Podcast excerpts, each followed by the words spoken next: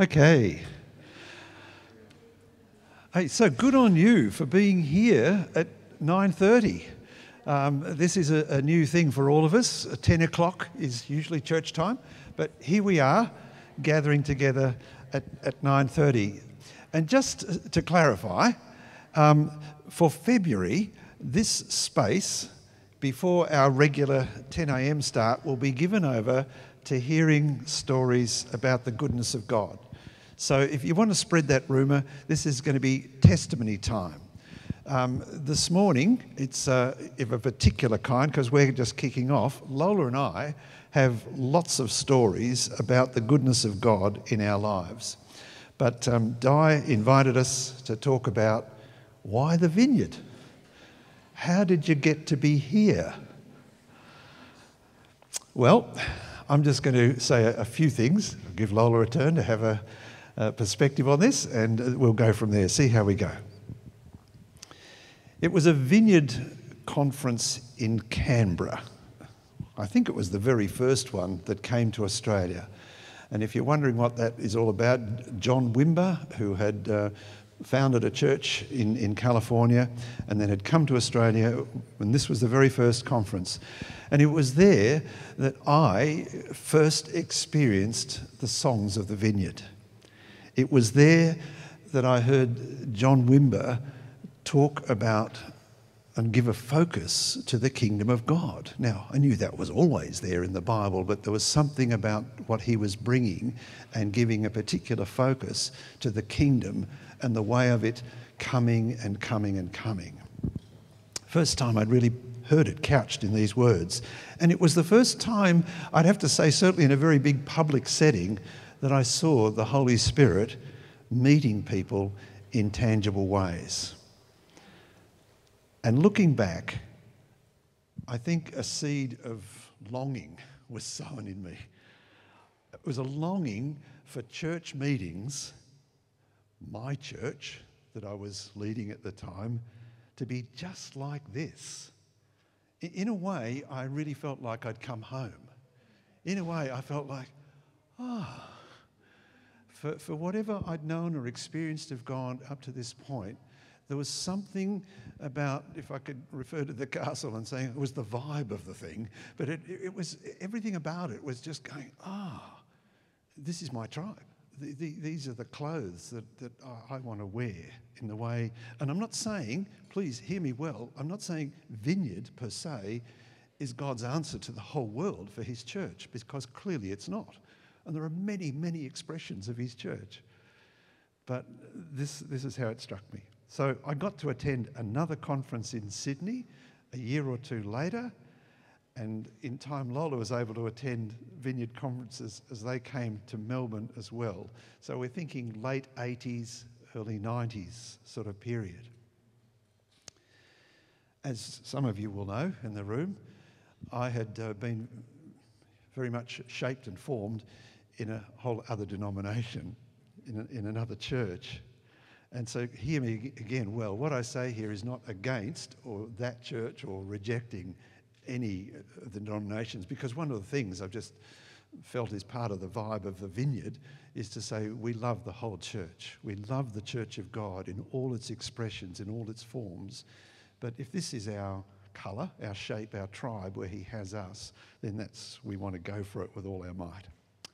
And I'll say this Lola was ready to leave the denomination we were a part of and leading and join the vineyard way ahead of me. All right? Um, and I think it was only because, as the minister, I just couldn't see how to do that kindly or well. So I, I kind of pressed on and laboured on, but just kept wanting to go along to vineyard style and vineyard shaped things. Do you want to say something here, Dale? Oh, yeah, I'll do my bit, and then Rob might have some more.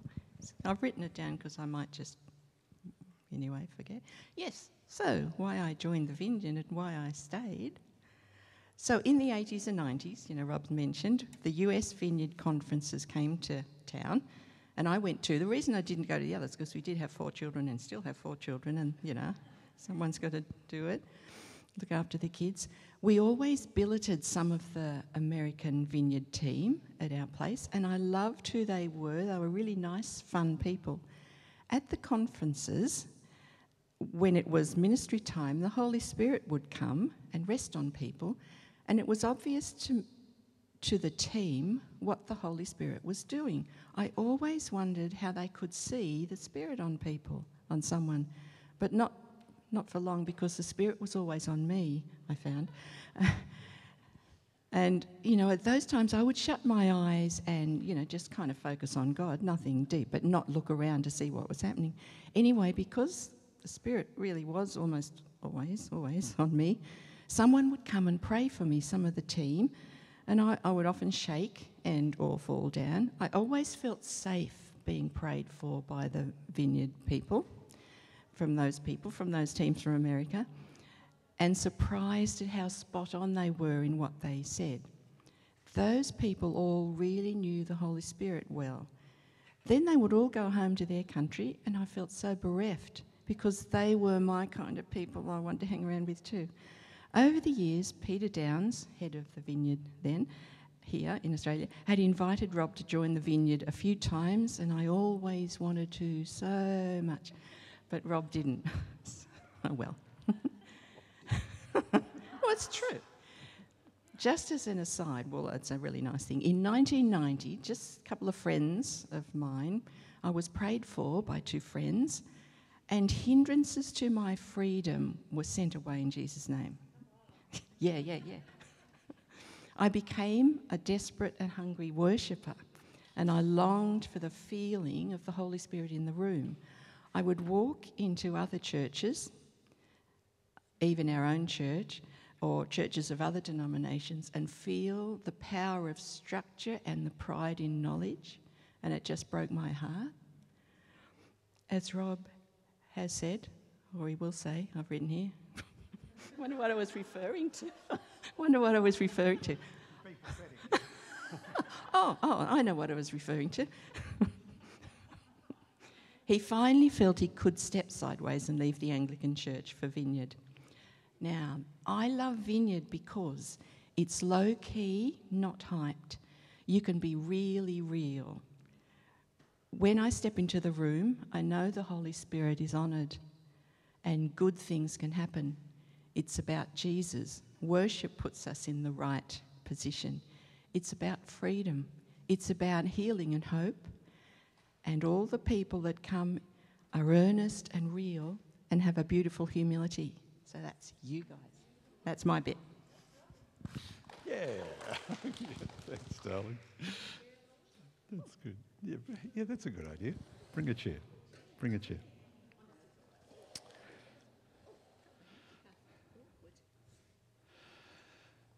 So I think I, I, identified three things that, that had really impacted me that very first conference I went to. Now, it wasn't that, hey, nobody else is singing worship songs, because clearly there were. But a little bit of what Lola said is right. There was, there was no sense of hype in this. Uh, it was just, it just happened. And, and there was a, just a, a, very quiet, understated thing. Uh, even at that very first conference, when I'm sort of up there among the 7,000 people and looking around the stadium and thinking, where's this guy, John Wimber? You know, where, where is he? And then this, this dude just sort of came out from behind the keyboard looking like Kenny Rogers and, and, and just sort of kind of stepped up and said, Hi, I'm John Wimber. It was so understated. And right there, I love that. Uh, there was not a, there's nobody who's a particular hero, you know, to be coming to see. And, and it wasn't that his teaching was kind of dramatic, charismatic in that sense, you know, grabbing your attention. It was still remained understated. But there was just a, a, a loveliness about it that just caught me. And I thought, ah, yes, yes, yes. this, is, this is who I am. So it, it went from this, this worship, uh, which had just set a scene and, and invoked the Holy Spirit, John speaking for a time, and then saying, So, what we're going to do now, he said, is have, have what I call a, a workshop of the Holy Spirit. I thought, goodness, How does that work? And he said, it, and it goes like this. And he just invited everybody just to stand. He said, just, if you everybody could stand, we're just in his presence. And he simply said, Come, Holy Spirit. And it was quiet. I'd never been in such a huge stadium, it was just quiet. And then suddenly there were people here or there who were just experiencing tears. You know, they just began to weep a little. And I went, oh, oh. And what John began to do was, was kind of a little running commentary on what he sensed was happening. And he said, right now, he said, it seems apparent that so many of you have come from very busy lives and, and, and, and under pressure and whatever. And the Holy Spirit is just meeting, meeting people. And so some are, are experiencing it this way. If it's not happening like that for you, that's fine. God isn't playing favourites. It's just this is how it is for them. And so I hope you're getting what I'm trying to say here. It was just a, a way of bringing us in and, and uh, giving such a, a, commentary that made it just feel right and safe. And uh, he was just saying what he felt God was doing uh, in the moment. So, so that was uh, just one experience. And oh, I'll tell you one other, because there was a moment. Lola's got something to say. There was a moment in, in amidst the, the weeping that was happening in some people's places that a lady right over there suddenly let out a big scream you know, like this. And that sort of had that effect. Oh, what's going on now? And he just said, um, he said, now don't be concerned for our, our, sister over here. He said, some of our folks are just going over there to attend to her, but um, what we know is that she's going to leave here a whole lot better than she came. And, and it was, oh, that sounds right. and so, so there was that kind of wooing us and bringing us in and feeling this is just the Holy Spirit doing what he does so well. Um, you want to say? Yeah, why not? I was just going to say two things really quickly. One, that Rob and I have been married almost 50 years now, but I've, I've yeah, I know, good, I'm through. Next year. Oh, yeah. But I've realised now you can tell by, by what we've said Rob's a words and teaching person. I'm a heart and feeling in the room person, but that's just handy to know those things and know the other nice guy's not a bad guy and you're not the good guy or the bad guy. but just also in these, you know, these conferences I went to, I don't know if this is relevant or not, but it's just that I just encourage you all to be brave and pray for people. I realised I was terrified praying for people for about 10 years at least but I just always did it. But at this conference, you know, that the clinic thing, they got you to practice. I was sitting next to a lovely Christian lady, you know, and she had a sore neck. So I thought, oh, and they encouraged us to pray, you know, for that person next to us. I thought this would be easy. It's only healing, little sore neck, just hand on and stuff. And then it became really different because I realised it was like deliverance, and the expert from the team had to come and help. And that didn't help me not be scared at all, but you know, just do it. Oh, oh, oh. Yeah, at the it was a little bit messy. Yeah, but yep, I think she was better at. But we were surrounded by, you know, godly, experienced experts, so it didn't matter all that much. And they came to help, and I think it did something good. I don't know if her neck ever got better, but all this other stuff seemed to. Oh, don't be scared, will you? Just.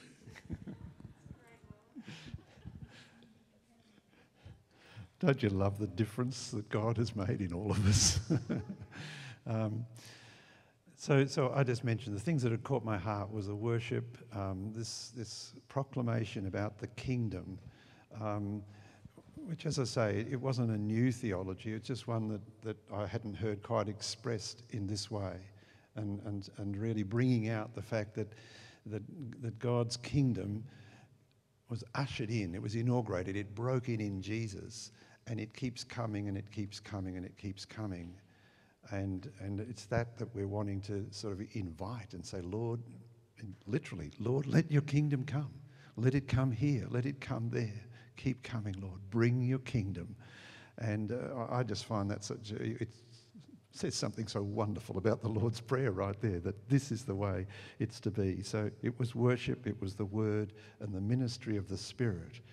And if you pause for a moment to think, that's what we endeavour to do when we gather here most Sundays. Uh, it's to, to waste time singing songs. If you were being critical or saying, is that all you're doing? How many songs are you?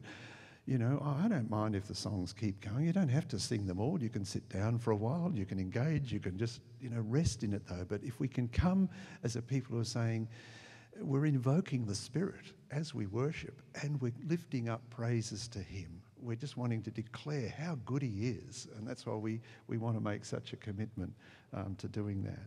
We, we want to hear the Word of God and let it, let it impact and, and change our lives. We want it to transform us. And so part of the ministry of the Spirit time is to allow us to respond to what God's been saying. Here's another thing I love about Vineyard. Is, is the, the saying that was, was going around, and I think, I'm sure John said it first, you know, he said, everybody gets to play. Now, I'd, I'd, been as a good evangelical, I believed in the priesthood of all believers because, you know, that's a good phrase and it's biblical. And, um, but I was a priest in the Anglican Church.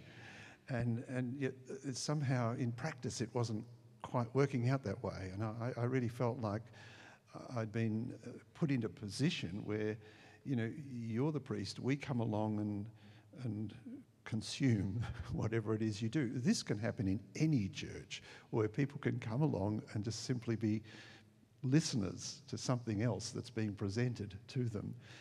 But John was really, he meant what he said with everybody gets to play. He happened to be on a platform at that time, but that's not where he wanted to be in terms of, hey, I'm the person you've come to listen to and see, and I am the expert. Because he was constantly on about saying, we're all people together, we're all the family of God. He gives his gifts um, uh, to his family.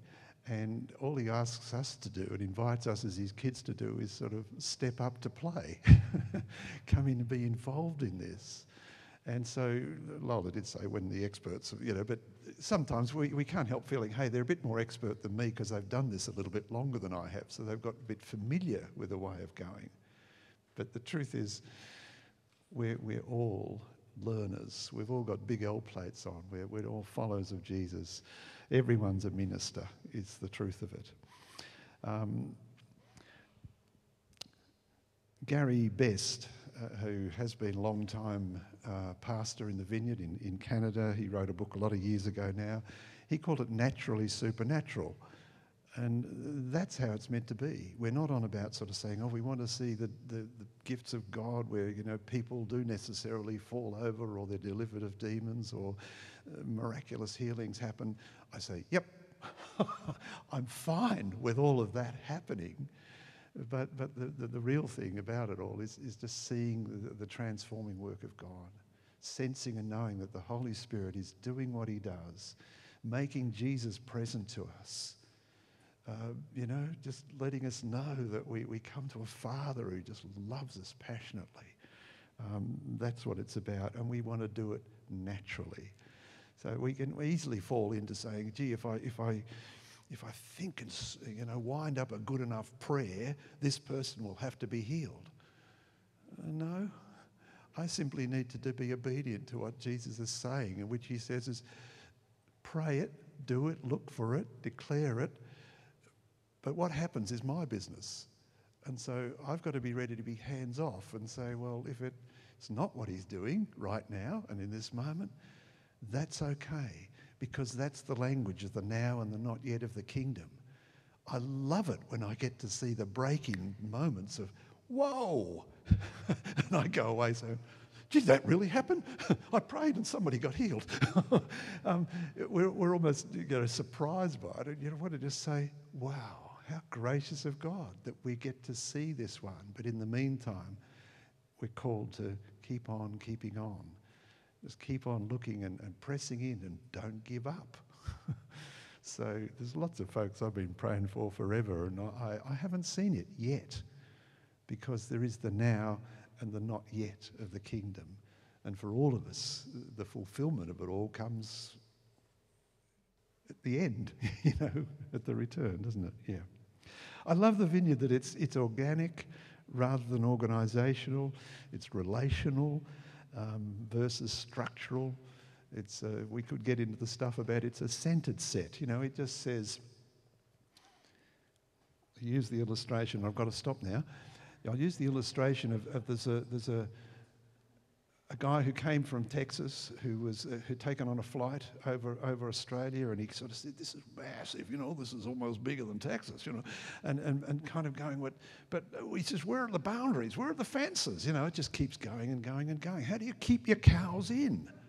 And the guy said, the answer said, said "Well, you know, I got thousands of acres." He, he said, "But uh, we don't have fences. We don't have fences. We just have wells." And the cattle know where the wells are. And, and that was a, an illustration of what vineyard would want to be like. We don't want to sort of say, you're in our denomination if you abide by all of these rules or if you agree with all of these doctrines. Not that they're wrong. I, I, I love good, clear teaching and formulating in some doctrine and say, yep, that's, that's good and biblical stuff. But it's kind of really saying, in the end, Jesus is the well. We just want to invite people, whatever direction they are, wherever they are in a line, to come and join us in that journey as we go towards Jesus and we drink deep at the well. Yeah? I'm going to finish there with this line Vineyard is not something you join, it's something you discover you are. I like that. I just stood up in case Rob needs help finishing. oh, I've got the microphone. Okay, what's my last word? Just do it. and and my, the very last word is if, if you have a story to tell, if you have a story to tell, because the other, the other Sundays of this month will look a little different to this. This was a particular one of us telling why we stepped into the vineyard, why we felt God had called us to this tribe. But what we're really looking for over the successive Sundays is there's something stirring in you, a testimony. So it'll be a testimony time. And won't it be fun to come along at 9:30, hear some stories that set us up for worship?